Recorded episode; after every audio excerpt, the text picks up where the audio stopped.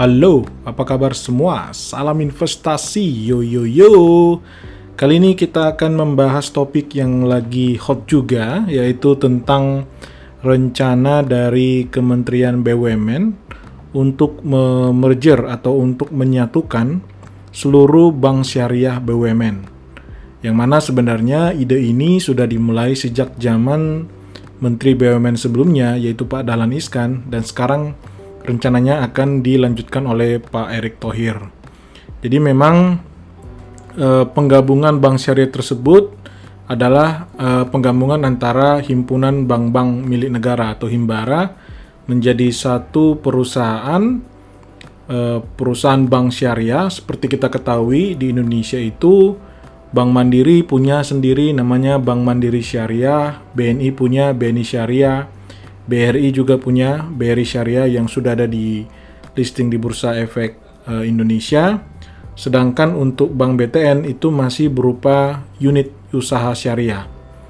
Nah, kalau misalkan nanti ini digabungkan, kemungkinan besar jumlah dari uh, aset ke empat uh, unit dan uh, bank ini akan mencapai kurang lebih 200 triliun rupiah. Jadi cukup besar.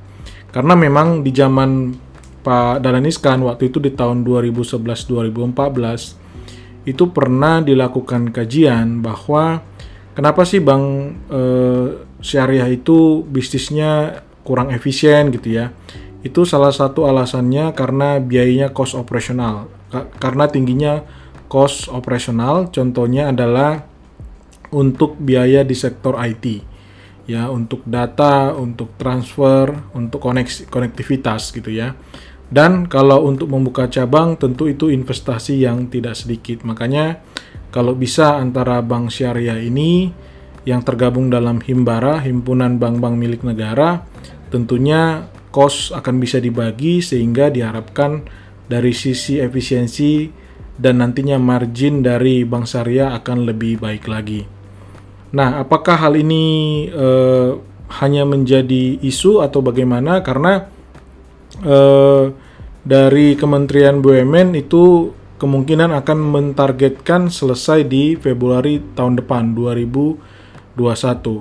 Nah, dampak dari isu ini itu cukup uh, positif, ada sentimen yang positif ya. Pagi ini tanggal 6 Juli 2020 itu langsung direspon positif oleh market di mana saham dari Bank BRI Syariah langsung naik uh, di perdagangan sesi pertama bahkan sampai 20%. Ya, kita tidak padahal ini ya mungkin masih secara fundamental ya mergernya sendiri belum dilakukan gitu, tapi you know lah ya pasar itu biasanya memang merespon lebih dahulu.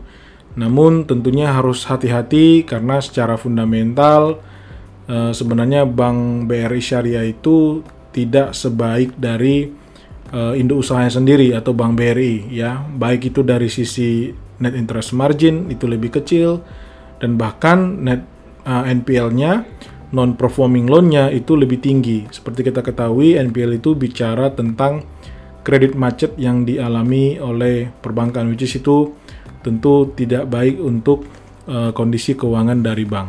Jadi bisa kita bilang kenaikan itu lebih kepada sentimen untuk jangka pendek. Jadi bisa jadi nantinya akan ada adjustment lagi ketika market sudah sedikit mereda lagi. Beberapa pendapat mengatakan ada kemungkinan ketika merger ini nanti terjadi maka yang menjadi entitas baru adalah Bank BRI Syariah, BRIS gitu ya. Makanya itulah kenapa direspon uh, luar biasa di pagi ini di market gitu ya. Baru nanti bank-bank lain bergabung dengan BRI Syariah atau BRIS. Nah, uh, tentunya kalau mau approach seperti itu uh, perlu dilakukan negosiasi oleh pemerintah sebagai pemegang saham terbesar dari BRIS itu harus melakukan uh, tender offering kepada pemegang saham publik ya. Itulah mungkin kenapa uh, ada spekulasi di harganya. Mungkin ada yang berharap atau publik berharap nanti ketika akan di offer oleh pemerintah maka harganya uh, kalau bisa sudah tinggi gitu. Jadi ada yang uh, berharap untuk berspekulasi ketika nanti akan di delisting dari Bursa Efek Indonesia saham BRIS itu maka uh, mereka bisa memperoleh harga yang tinggi atau harga yang bagus. Tapi ada juga uh, yang memberikan uh, analisa ataupun pengamatan kemungkinan bisa jadi malah yang menjadi entitas barunya adalah Bank Mandiri Syariah gitu karena e, dari sisi total aset dan ekuitas kemungkinan bahwa Bank Mandiri Syariah ini yang paling besar dibandingkan empat e, bank syariah lainnya. Jadi ya masih belum masih belum fix gitulah.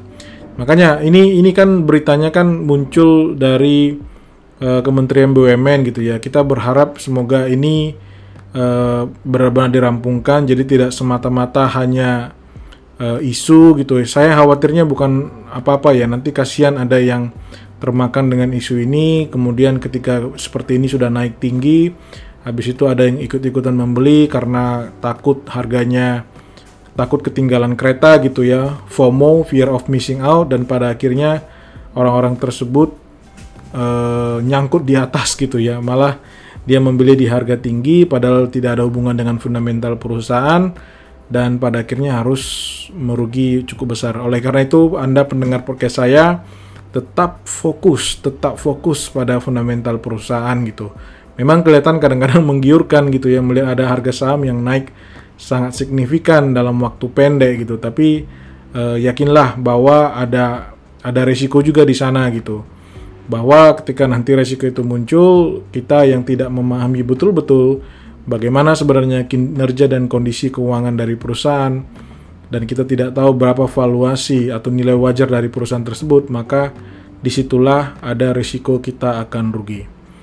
Nah, itu dulu ulasan saya hari ini tentang saham bank syariah, tentang uh, rencana untuk akuisisi atau rencana untuk merger atau penggabungan dari bank syariah milik negara BUMN.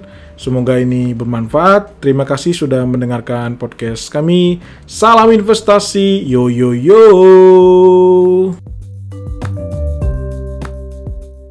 Halo, apa kabar semua? Salam investasi. Yo yo yo. Oke, kali ini kita ngobrolnya agak santai sedikit. Uh, nggak usah terlalu banyak bicara angka gitu ya, karena beberapa video saya juga sebelumnya, baik yang di Tagar maupun di podcast saya di uh, Spotify ataupun podcast lainnya itu uh, mungkin banyak membahas tentang angka-angka tentang perusahaan menganalisa gitu ya investasi lah kurang lebih di pasar modal. Nah kali ini mungkin saya mau berbagi tips, namun tipsnya lebih kepada praktik apa yang saya lakukan. Ya sebenarnya Anda juga bisa bertanya ke financial planner gitu ya ke orang-orang yang uh, mungkin Anda kenal memiliki kemampuan ataupun pengetahuan lah tentang pengaturan keuangan juga boleh silahkan gitu. Jadi, namun dalam kesempatan ini saya mau bicara santai aja, uh, berbagi pengalaman. Kalau memang Anda merasa ini bisa Anda terapkan, monggo silahkan gitu. Tapi kalau memang Anda merasa nggak bisa, nggak apa-apa. Anda bisa cari-cari metode lain, belajar dari yang lain juga untuk bisa dapat banyak masukan yang nanti mana paling cocok untuk Anda. Jadi pada intinya itu yang mau saya bahas adalah sebenarnya gimana sih cara kita untuk bisa menyisihkan uh, penghasilan kita, gaji ataupun penghasilan lah gitu ya, uh, supaya kita bisa berinvestasi, rutin berinvestasi gitu ya. Karena kalau boleh jujur, ya dengan kondisi kompetisi saat ini, dengan kondisi uh, ekonomi negara dan ke depannya juga gitu ya, kita terus terang ya kalau kita tidak mampu mengelola keuangan, kalau kita uh, cuman fokus untuk menghasilkan uh, uang atau gaji itu berbahaya. Dan mungkin dia juga punya gaya hidup sendiri yang akhirnya ya setiap dia memperoleh gajian kalau kita bicara karyawan ya atau dia memperoleh penghasilan dari uh, project dari bisnis itu seolah kayak semuanya habis gitu uh, gaji naik terus tapi kok rasa-rasanya yang bisa di saving yang bisa diinvestasikan kok sama sama-sama aja bahkan nggak uh, ada gitu nah Uh, mungkin saya sedikit sharing sesuatu yang saya lakukan dan menurut saya itu bekerja. Ini saya lakukan sejak tahun 2005. Jadi saya dulu awal bekerja 2005. Saya berkarir kurang lebih 12 tahun di salah satu multinational company, uh, perusahaan TBK di Indonesia. Uh, yang mana saya selalu uh, berusaha untuk disiplin. Memang disiplin ini kata-kata yang nggak mengenakan gitu ya, tapi ya nggak ada pilihan lain memang harus itu tinggal disiplinnya ada disiplin yang ketat sekali ada yang longgar ada mungkin yang tengah-tengah lah gitu yang mana tinggal menjadi pilihan kita. Tapi kalau tanpa disiplin kayaknya nggak bisa gitu. Nah dulu saya terinspirasi dengan salah satu financial planner idola saya eh, beliau adalah namanya Pak Safir Senduk gitu ya.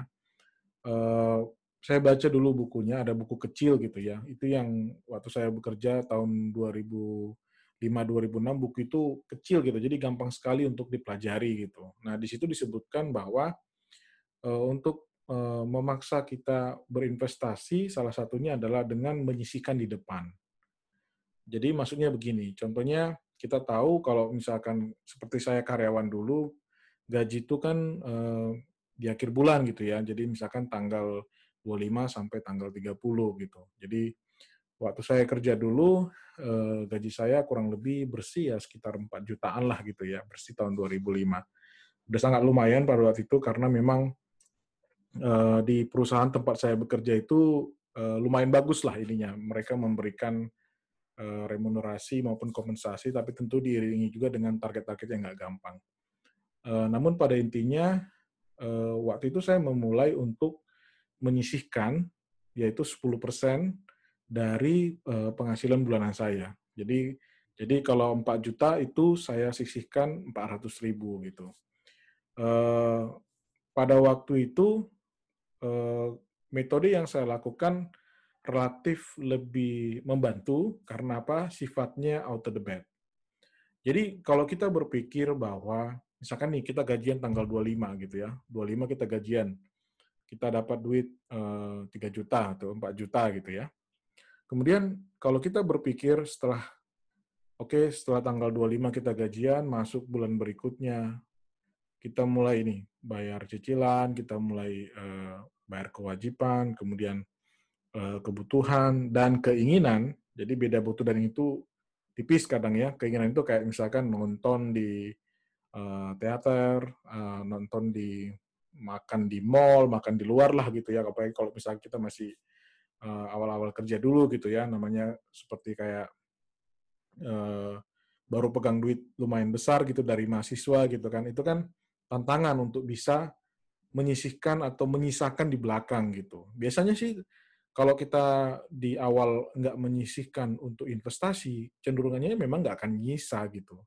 Nggak akan mungkin nyisa uh, di uh, akhir bulan bulan berikutnya gitu. Jadi kalau kita gajian 4 juta tanggal 25 misalkan Juli ini kita dapat gajian nanti tanggal 25, mungkin tanggal 15, tanggal 20 itu sudah habis, bahkan uh, minus gitu. Bahkan kadang-kadang uh, uh, ada yang mengcover uh, apa namanya pengeluarannya dengan menggunakan kartu kredit gitu.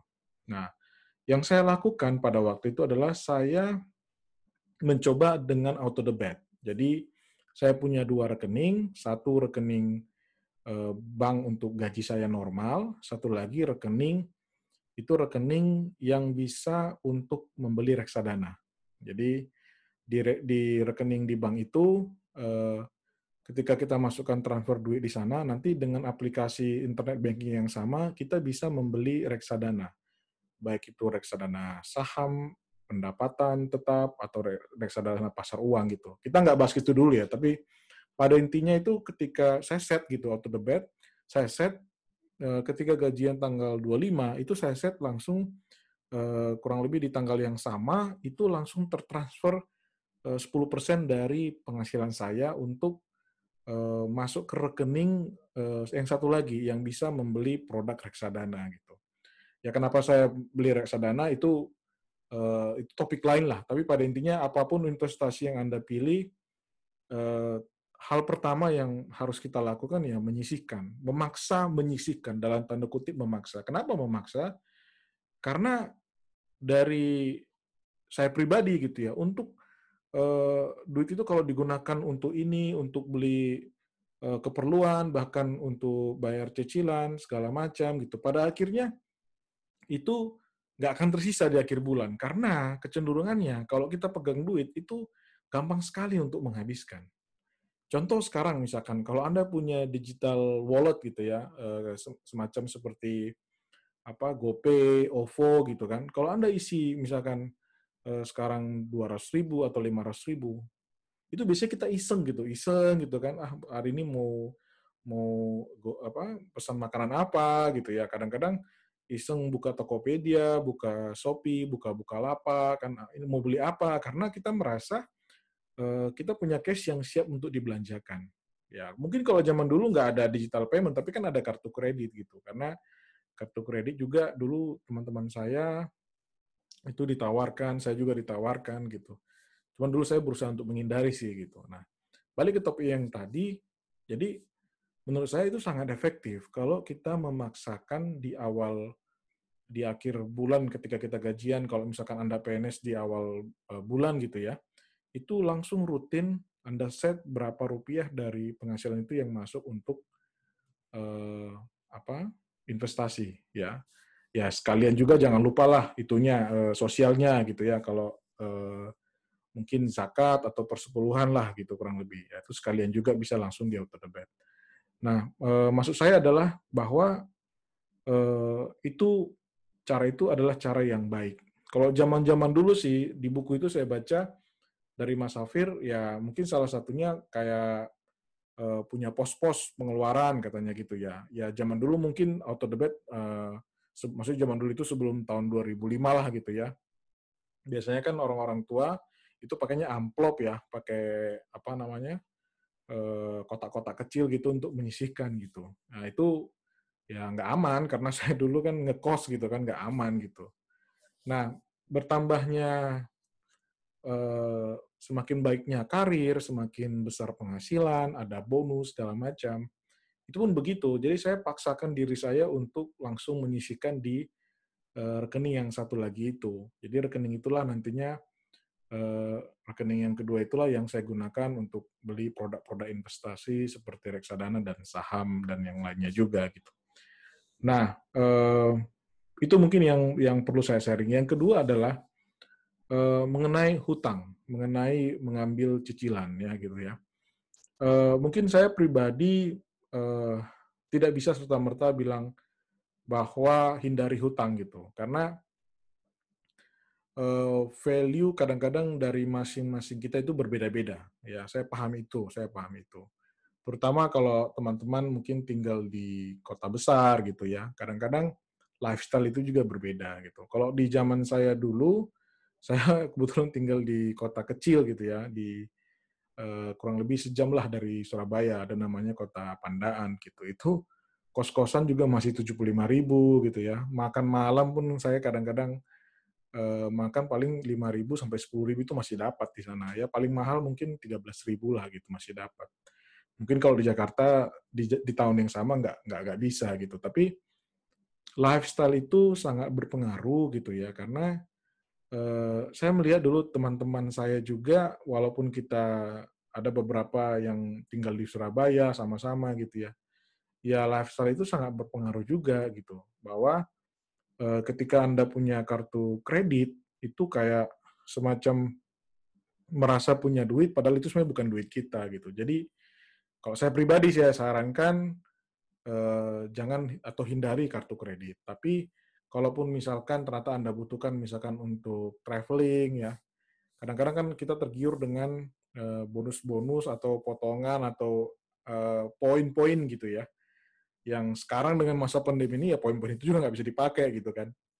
Nah, yang yang ya mungkin kalau anda benar bisa ngatur supaya bayarnya tepat gitu, nggak ada kena uh, kena denda ya it's okay gitu. Tapi kalau saya pribadi dulu memang saya nggak bisa, saya nggak bisa untuk uh, pegang kartu kredit. Jadi akhirnya waktu itu saya itu baru mulai punya kartu kredit setelah saya Seingat saya, saya mulai dipromosikan ke level yang lebih tinggi, uh, manajer, which is saya udah mulai traveling-traveling lah pada waktu itu.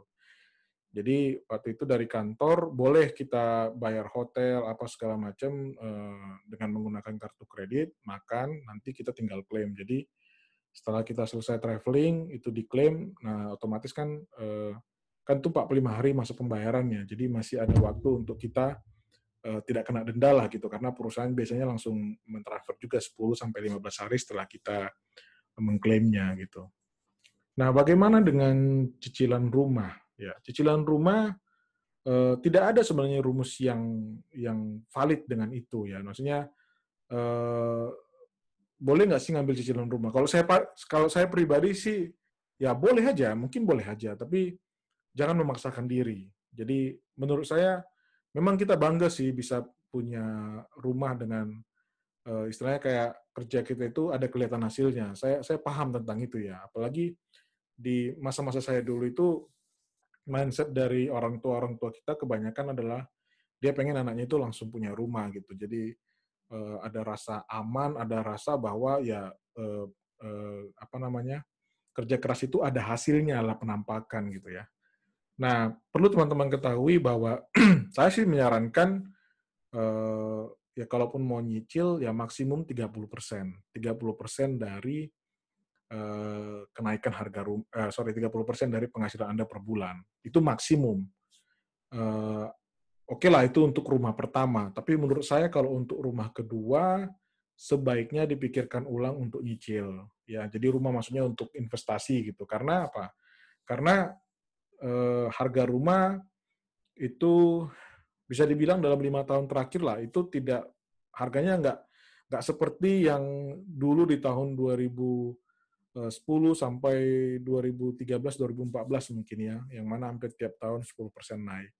Sekarang harga rumah jatuh, bahkan dengan corona ini jatuh lebih parah lagi gitu ya.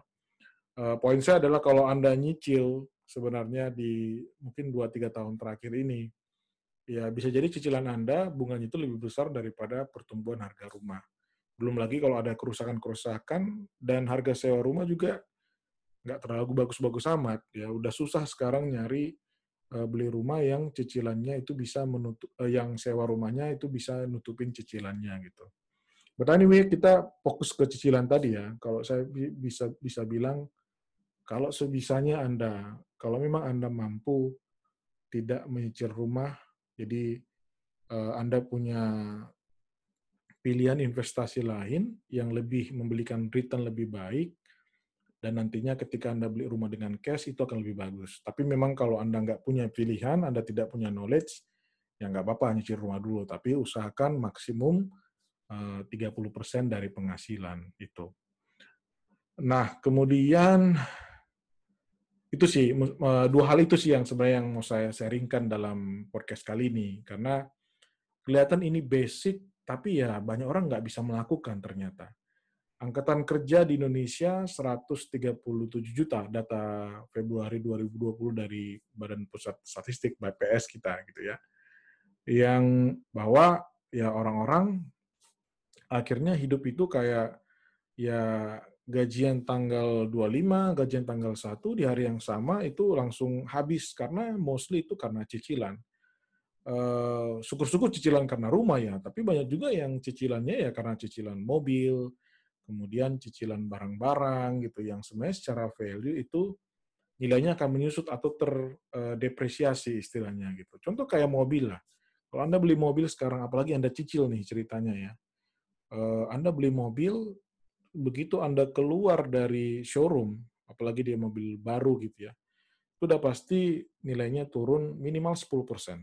Kalau dia mobil Jepang gitu yang brandnya mungkin lumayan besar gitu ya 10%. Tapi kalau Anda beli mobil Eropa ya, apalagi yang model-modelnya uh, sporty yang yang yang orang jarang lah beli itu ya uh, atau SUV yang orang jarang beli itu langsung mungkin drop sampai 15-20%. Artinya kalau Anda mau jual lagi tahun depan udah pasti Anda harus menanggung uh, nilai penyusutan itu sampai 15 sampai 20% gitu. Nah, jadi balik lagi um, nyicil mobil, nyicil barang-barang, nyicil traveling, sebisa mungkin di, dikurangi lah. Maksud saya, bukan saya larang Anda beli mobil, bukan saya larang Anda beli uh, pergi traveling, bukan saya larang Anda beli barang sesuatu gitu. Tapi usahakan dengan cash yang Anda miliki. Uh, kalau memang Anda pengen beli mobil atau Anda pengen beli sesuatu dan ternyata Anda nggak bisa bayar cash, mungkin memang belum saatnya Anda membeli saat ini gitu. Jadi percayalah kalau memang kita melakukan yang terbaik, uh, berkarir dengan baik, kalau kita misalkan di perusahaan, nanti kan penghasilan itu akan diberikan oleh Tuhan naik dan lebih baik lagi dan lebih baik lagi. Ya, jadi message saya lebih kepada uh, jangan sampai nanti begitu penghasilan kita baru kerja misalkan 3 juta gitu ya, setelah kita bekerja 10 tahun, gaji naik sudah dua kali lipat, empat kali lipat, lima kali lipat, tapi ternyata kita nggak bisa uh, invest sama sekali gitu loh.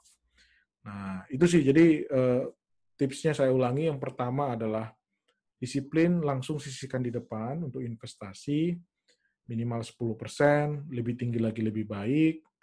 Kemudian kalau Anda mau ngambil cicilan, usahakan maksimum 30% dari cicilan Anda. Ya ingat tadi ada sosial ya, ada zakat sama persepuluhan misalkan atau Anda mau bantu siapa pun.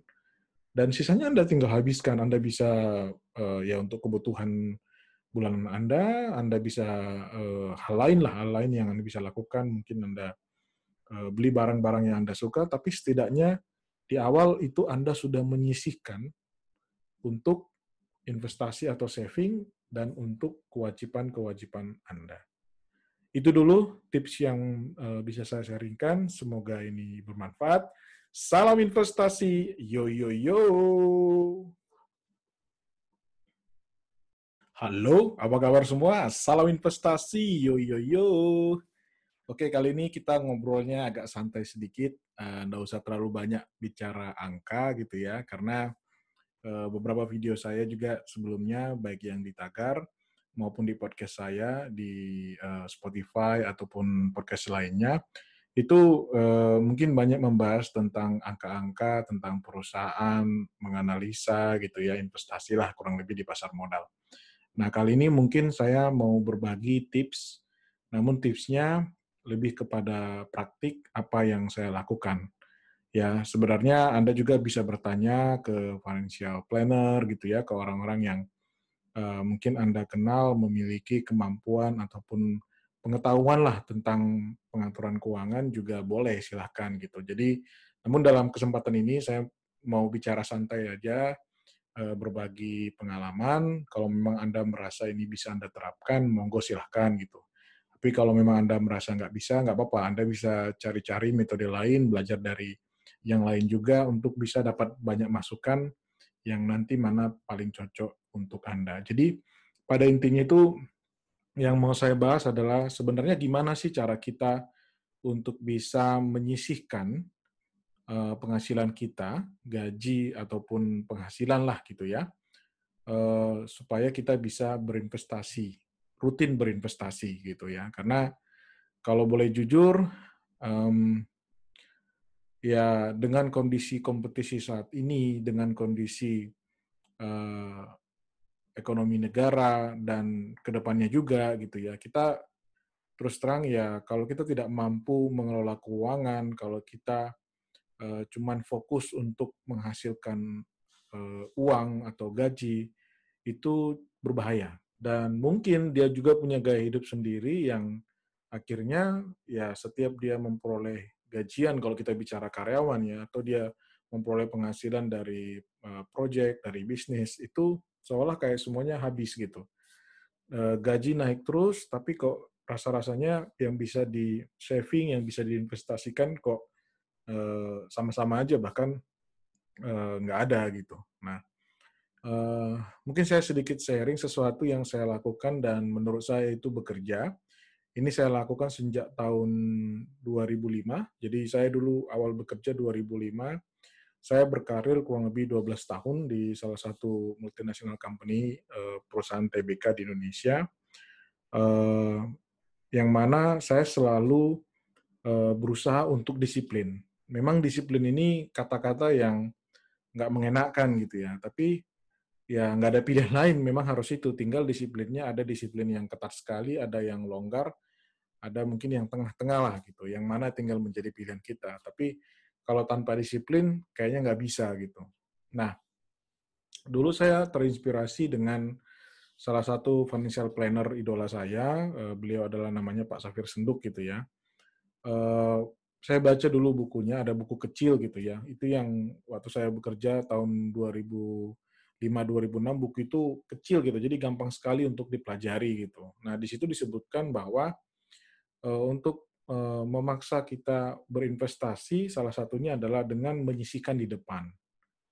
Jadi maksudnya begini, contohnya kita tahu kalau misalkan seperti saya karyawan dulu, gaji itu kan eh, di akhir bulan gitu ya. Jadi misalkan tanggal 25 sampai tanggal 30 gitu. Jadi waktu saya kerja dulu eh, gaji saya kurang lebih bersih ya sekitar 4 jutaan lah gitu ya, bersih tahun 2005. Udah sangat lumayan pada waktu itu karena memang eh, di perusahaan tempat saya bekerja itu eh, lumayan bagus lah ininya. Mereka memberikan remunerasi maupun kompensasi, tapi tentu diiringi juga dengan target-target yang nggak gampang.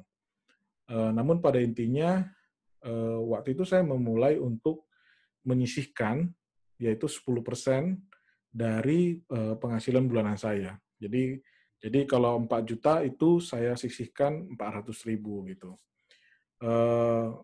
pada waktu itu metode yang saya lakukan relatif lebih membantu karena apa? Sifatnya out of the bed.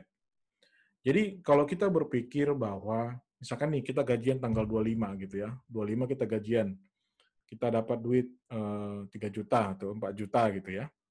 Kemudian kalau kita berpikir setelah oke okay, setelah tanggal 25 kita gajian, masuk bulan berikutnya, kita mulai ini bayar cicilan, kita mulai eh, bayar kewajiban, kemudian Eh, kebutuhan dan keinginan. Jadi beda butuh dan itu tipis kadang ya. Keinginan itu kayak misalkan nonton di teater, nonton di makan di mall, makan di luar lah gitu ya. Apalagi kalau misalnya kita masih awal-awal uh, kerja dulu gitu ya, namanya seperti kayak uh, baru pegang duit lumayan besar gitu dari mahasiswa gitu kan. Itu kan tantangan untuk bisa menyisihkan atau menyisakan di belakang gitu. Biasanya sih kalau kita di awal nggak menyisihkan untuk investasi, cenderungannya memang nggak akan nyisa gitu.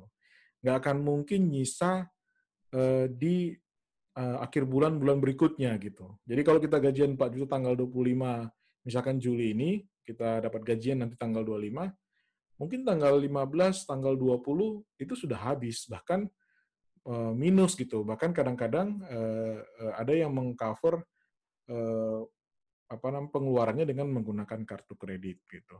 Nah, yang saya lakukan pada waktu itu adalah saya mencoba dengan auto debit. Jadi saya punya dua rekening, satu rekening eh, bank untuk gaji saya normal, satu lagi rekening itu rekening yang bisa untuk membeli reksadana. Jadi di, di rekening di bank itu eh, ketika kita masukkan transfer duit di sana, nanti dengan aplikasi internet banking yang sama, kita bisa membeli reksadana. Baik itu reksadana saham, pendapatan tetap, atau reksadana pasar uang gitu. Kita nggak bahas itu dulu ya, tapi pada intinya itu ketika saya set gitu, auto debit, saya set eh, ketika gajian tanggal 25, itu saya set langsung eh, kurang lebih di tanggal yang sama, itu langsung tertransfer 10% eh, dari penghasilan saya untuk masuk ke rekening yang satu lagi yang bisa membeli produk reksadana gitu. Ya kenapa saya beli reksadana itu uh, itu topik lain lah. Tapi pada intinya apa pun investasi yang anda pilih, uh, hal pertama yang harus kita lakukan ya menyisihkan, memaksa menyisihkan dalam tanda kutip memaksa. Kenapa memaksa? Karena dari saya pribadi gitu ya untuk uh, duit itu kalau digunakan untuk ini, untuk beli keperluan, bahkan untuk bayar cicilan segala macam gitu. Pada akhirnya itu nggak akan tersisa di akhir bulan karena kecenderungannya kalau kita pegang duit itu gampang sekali untuk menghabiskan. Contoh sekarang misalkan kalau Anda punya digital wallet gitu ya, uh, semacam seperti apa GoPay, OVO gitu kan. Kalau Anda isi misalkan eh, sekarang 200 ribu atau 500 ribu, itu biasanya kita iseng gitu, iseng gitu kan, ah hari ini mau mau apa pesan makanan apa gitu ya. Kadang-kadang iseng buka Tokopedia, buka Shopee, buka Bukalapak, kan ah, ini mau beli apa? Karena kita merasa uh, kita punya cash yang siap untuk dibelanjakan. Ya, mungkin kalau zaman dulu nggak ada digital payment, tapi kan ada kartu kredit gitu. Karena kartu kredit juga dulu teman-teman saya itu ditawarkan, saya juga ditawarkan gitu. Cuman dulu saya berusaha untuk menghindari sih gitu. Nah, balik ke topik yang tadi, jadi menurut saya itu sangat efektif kalau kita memaksakan di awal di akhir bulan ketika kita gajian, kalau misalkan Anda PNS di awal uh, bulan gitu ya, itu langsung rutin Anda set berapa rupiah dari penghasilan itu yang masuk untuk uh, apa investasi ya. Ya sekalian juga jangan lupa lah itunya uh, sosialnya gitu ya kalau uh, mungkin zakat atau persepuluhan lah gitu kurang lebih ya itu sekalian juga bisa langsung di auto debit. Nah uh, maksud saya adalah bahwa uh, itu cara itu adalah cara yang baik. Kalau zaman-zaman dulu sih di buku itu saya baca dari Mas Safir ya mungkin salah satunya kayak uh, punya pos-pos pengeluaran katanya gitu ya. Ya zaman dulu mungkin auto debit uh, maksudnya zaman dulu itu sebelum tahun 2005 lah gitu ya. Biasanya kan orang-orang tua itu pakainya amplop ya, pakai apa namanya eh, kotak-kotak kecil gitu untuk menyisihkan gitu. Nah itu ya nggak aman karena saya dulu kan ngekos gitu kan nggak aman gitu. Nah bertambahnya eh, semakin baiknya karir, semakin besar penghasilan, ada bonus segala macam. Itu pun begitu. Jadi saya paksakan diri saya untuk langsung menyisihkan di eh, rekening yang satu lagi itu. Jadi rekening itulah nantinya eh, rekening yang kedua itulah yang saya gunakan untuk beli produk-produk investasi seperti reksadana dan saham dan yang lainnya juga gitu. Nah, eh, itu mungkin yang yang perlu saya sharing. Yang kedua adalah eh, mengenai hutang, mengenai mengambil cicilan ya gitu ya. Eh, mungkin saya pribadi tidak bisa serta merta bilang bahwa hindari hutang gitu, karena value kadang-kadang dari masing-masing kita itu berbeda-beda. Ya, saya paham itu, saya paham itu terutama kalau teman-teman mungkin tinggal di kota besar gitu ya. Kadang-kadang lifestyle itu juga berbeda gitu. Kalau di zaman saya dulu, saya kebetulan tinggal di kota kecil gitu ya, di uh, kurang lebih sejam lah dari Surabaya, ada namanya kota Pandaan gitu. Itu kos-kosan juga masih 75 ribu gitu ya. Makan malam pun saya kadang-kadang uh, makan paling 5 ribu sampai 10 ribu itu masih dapat di sana ya. Paling mahal mungkin 13 ribu lah gitu masih dapat mungkin kalau di Jakarta di, di tahun yang sama nggak nggak nggak bisa gitu. Tapi lifestyle itu sangat berpengaruh gitu ya. Karena eh, saya melihat dulu teman-teman saya juga walaupun kita ada beberapa yang tinggal di Surabaya sama-sama gitu ya ya lifestyle itu sangat berpengaruh juga gitu. Bahwa eh, ketika anda punya kartu kredit itu kayak semacam merasa punya duit padahal itu sebenarnya bukan duit kita gitu. Jadi kalau saya pribadi saya sarankan eh, jangan atau hindari kartu kredit. Tapi kalaupun misalkan ternyata Anda butuhkan misalkan untuk traveling ya, kadang-kadang kan kita tergiur dengan eh, bonus-bonus atau potongan atau eh, poin-poin gitu ya. Yang sekarang dengan masa pandemi ini ya poin-poin itu juga nggak bisa dipakai gitu kan. Nah, yang yang ya mungkin kalau Anda benar bisa ngatur supaya bayarnya tepat gitu, nggak ada kena uh, kena denda ya it's okay gitu. Tapi kalau saya pribadi dulu memang saya nggak bisa, saya nggak bisa untuk uh, pegang kartu kredit. Jadi akhirnya waktu itu saya itu baru mulai punya kartu kredit setelah saya seingat saya saya mulai dipromosikan ke level yang lebih tinggi manager which is saya udah mulai traveling traveling lah pada waktu itu jadi waktu itu dari kantor boleh kita bayar hotel apa segala macam eh, dengan menggunakan kartu kredit, makan, nanti kita tinggal klaim. Jadi setelah kita selesai traveling itu diklaim, nah otomatis kan eh, kan itu 45 hari masa pembayarannya. Jadi masih ada waktu untuk kita eh, tidak kena denda lah gitu karena perusahaan biasanya langsung mentransfer juga 10 sampai 15 hari setelah kita mengklaimnya gitu. Nah, bagaimana dengan cicilan rumah? Ya, cicilan rumah eh, tidak ada sebenarnya rumus yang yang valid dengan itu ya. Maksudnya eh, boleh nggak sih ngambil cicilan rumah? Kalau saya kalau saya pribadi sih ya boleh aja, mungkin boleh aja, tapi jangan memaksakan diri. Jadi menurut saya memang kita bangga sih bisa punya rumah dengan uh, istilahnya kayak kerja kita itu ada kelihatan hasilnya. Saya saya paham tentang itu ya. Apalagi di masa-masa saya dulu itu mindset dari orang tua orang tua kita kebanyakan adalah dia pengen anaknya itu langsung punya rumah gitu. Jadi uh, ada rasa aman, ada rasa bahwa ya uh, uh, apa namanya kerja keras itu ada hasilnya lah penampakan gitu ya. Nah perlu teman-teman ketahui bahwa saya sih menyarankan uh, ya kalaupun mau nyicil ya maksimum 30 persen, 30 persen dari uh, kenaikan harga rumah, uh, sorry 30 persen dari penghasilan anda per bulan itu maksimum. Uh, Oke okay lah itu untuk rumah pertama, tapi menurut saya kalau untuk rumah kedua sebaiknya dipikirkan ulang untuk nyicil. Ya, jadi rumah maksudnya untuk investasi gitu. Karena apa? Karena eh, harga rumah itu bisa dibilang dalam lima tahun terakhir lah itu tidak harganya nggak nggak seperti yang dulu di tahun 2010 sampai 2013 2014 mungkin ya, yang mana hampir tiap tahun 10% naik sekarang harga rumah jatuh, bahkan dengan corona ini jatuh lebih parah lagi gitu ya. Uh, poin saya adalah kalau Anda nyicil sebenarnya di mungkin 2-3 tahun terakhir ini, ya bisa jadi cicilan Anda bunganya itu lebih besar daripada pertumbuhan harga rumah. Belum lagi kalau ada kerusakan-kerusakan dan harga sewa rumah juga nggak terlalu bagus-bagus amat. Ya udah susah sekarang nyari beli rumah yang cicilannya itu bisa menutup, uh, yang sewa rumahnya itu bisa nutupin cicilannya gitu. But anyway, kita fokus ke cicilan tadi ya. Kalau saya bisa bisa bilang, kalau sebisanya Anda, kalau memang Anda mampu tidak menyicil rumah, jadi uh, Anda punya pilihan investasi lain yang lebih membelikan return lebih baik, dan nantinya ketika Anda beli rumah dengan cash itu akan lebih bagus. Tapi memang kalau Anda nggak punya pilihan, Anda tidak punya knowledge, ya nggak apa-apa nyicil rumah dulu. Tapi usahakan maksimum 30% eh, dari penghasilan itu. Nah, kemudian itu sih dua hal itu sih yang sebenarnya yang mau saya sharingkan dalam podcast kali ini karena kelihatan ini basic tapi ya banyak orang nggak bisa melakukan ternyata. Angkatan kerja di Indonesia 137 juta data Februari 2020 dari Badan Pusat Statistik BPS kita gitu ya.